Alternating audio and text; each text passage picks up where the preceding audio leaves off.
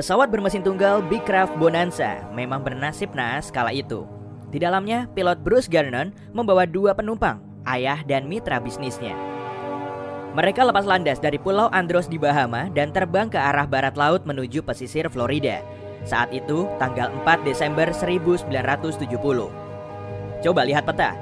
Kalau kamu menarik garis dari Kepulauan Bermuda, Puerto Rico, Miami, dan kembali lagi ke Bermuda, bentuk apa yang terlihat? Ya, benar. Segitiga Bermuda. Area yang dikenal telah menelan 2000 kapal laut dan 200 pesawat secara misterius selama ratusan tahun. Pesawat Bruce Gernon pun tak luput dari ganasnya segitiga misterius ini. Tapi, seharusnya sih penerbangan ini sama saja seperti penerbangan yang kerap Bruce lakukan. Biasanya, waktu tempuhnya sekitar satu setengah jam kalau tanpa gangguan atau fenomena aneh lain. Semua awak pesawat juga biasa-biasa saja, layaknya sedang melakukan perjalanan rutin menuju kantor. Namun, kali ini semuanya berbeda.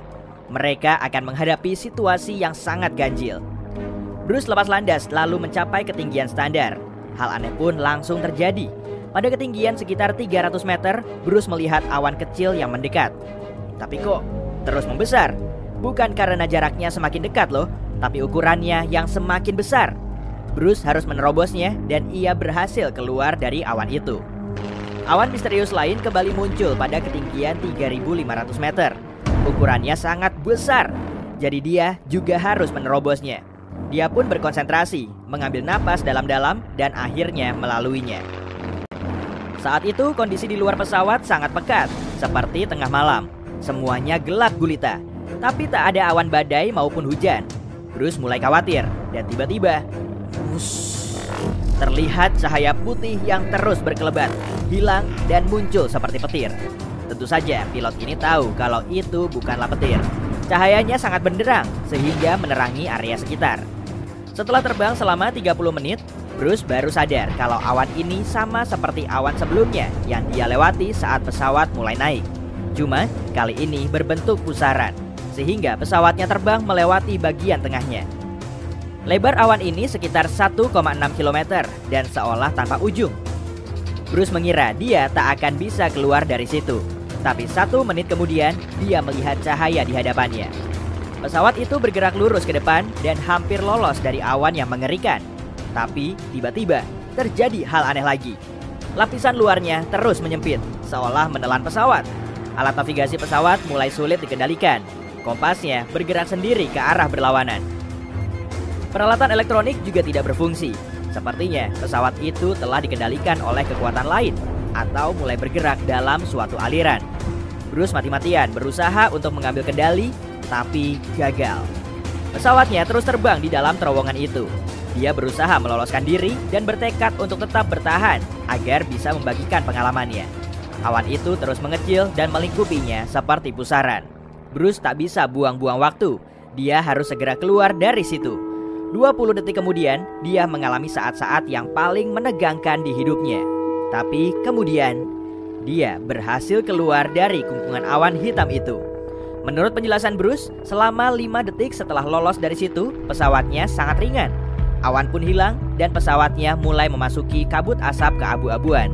Ketiga orang itu menghela napas lega. Bruce segera mengambil radio dan menghubungi stasiun pengendali darat. Dia ingin para petugas menginformasikan lokasi pesawatnya. Tapi saat mengecek di layar radar, si petugas malah kebingungan. Pesawat Bruce tidak terdeteksi radar dan seolah tidak pernah ada.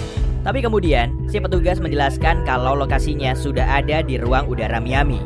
Nah, sekarang giliran Bruce yang kaget. Ini semua pasti salah. Craft seharusnya menempuh jarak sekitar 400 km. Perlu diingat, waktu tempuh biasanya sekitar 90 menit. Tapi kali ini cuma 47 menit. Dan pesawat model ini cuma bisa terbang dengan kecepatan sekitar 290 km per jam. Coba kamu hitung deh. Pasti mustahil kan? Si petugas pasti salah baca radar. Tapi saat awannya menghilang, Bruce tahu dia memang ada di atas Miami. Pesawat itu mendarat dengan selamat. Hmm, saatnya memecahkan misteri ini. Memangnya apa yang telah terjadi selama penerbangan? Bruce mengecek sisa bahan bakar, kemudian jam tangannya. Setelah menghitung-hitung, dia malah tambah bingung. Konsumsi bahan bakarnya tidak sesuai dengan jarak tempuh yang seharusnya. Bruce tidak mungkin salah kalkulasi dong. Dia pilot yang sangat berpengalaman. Saat usianya masih 20-an saja, dia sudah mengantongi 600 jam terbang. Dia juga hafal betul dengan ruang udara yang telah dilintasinya itu.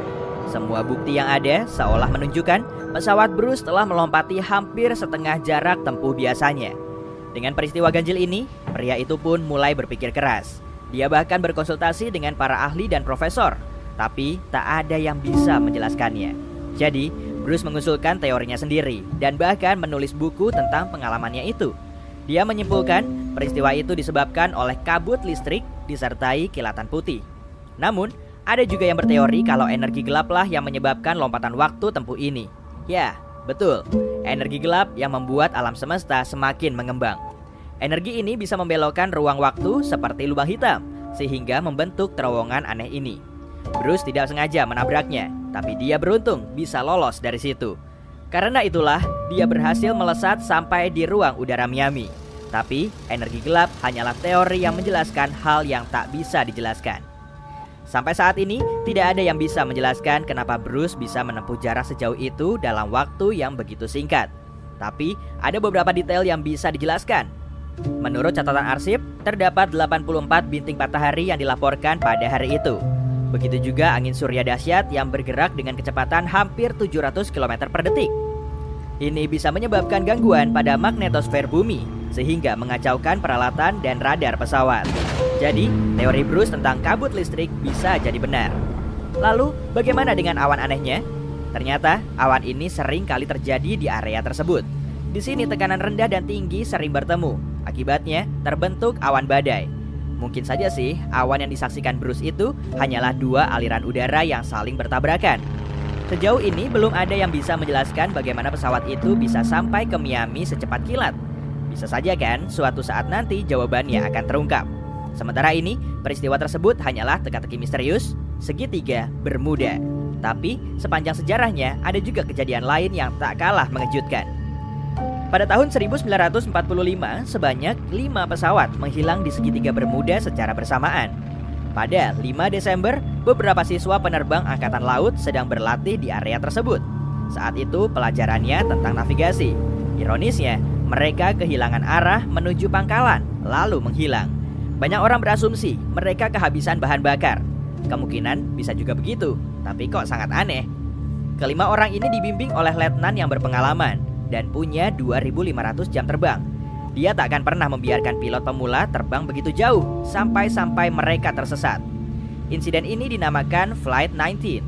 Sampai sekarang pun penyebabnya masih jadi perdebatan. Tiga tahun kemudian, pesawat jet yang terbang menuju Miami dari Puerto Rico juga hilang di area yang sama. Pesawat itu mengangkut 29 penumpang dan tiga anggota kru. Sepanjang penerbangan, cuacanya sangat cerah. Namun, para ahli meyakini sekitar 80 km di lepas pantai Miami, pesawat itu mungkin menabrak angin kencang hingga membawanya keluar dari jalur penerbangan yang seharusnya. Bertahun-tahun kemudian, para penyelam menemukan bangkai pesawat yang sangat mirip dengan pesawat hilang itu di lautan. Tapi, beberapa detail dan nomor registrasinya kurang memadai, sehingga tidak ada yang bisa mengonfirmasinya. Satu bulan kemudian, pada Januari 1948, Pesawat lain juga hilang di Bermuda. 25 penumpang dan 6 anggota kru lenyap begitu saja di area antara Azores dan Bermuda. Misteri hilangnya pesawat ini serta sekian banyak insiden lain belum juga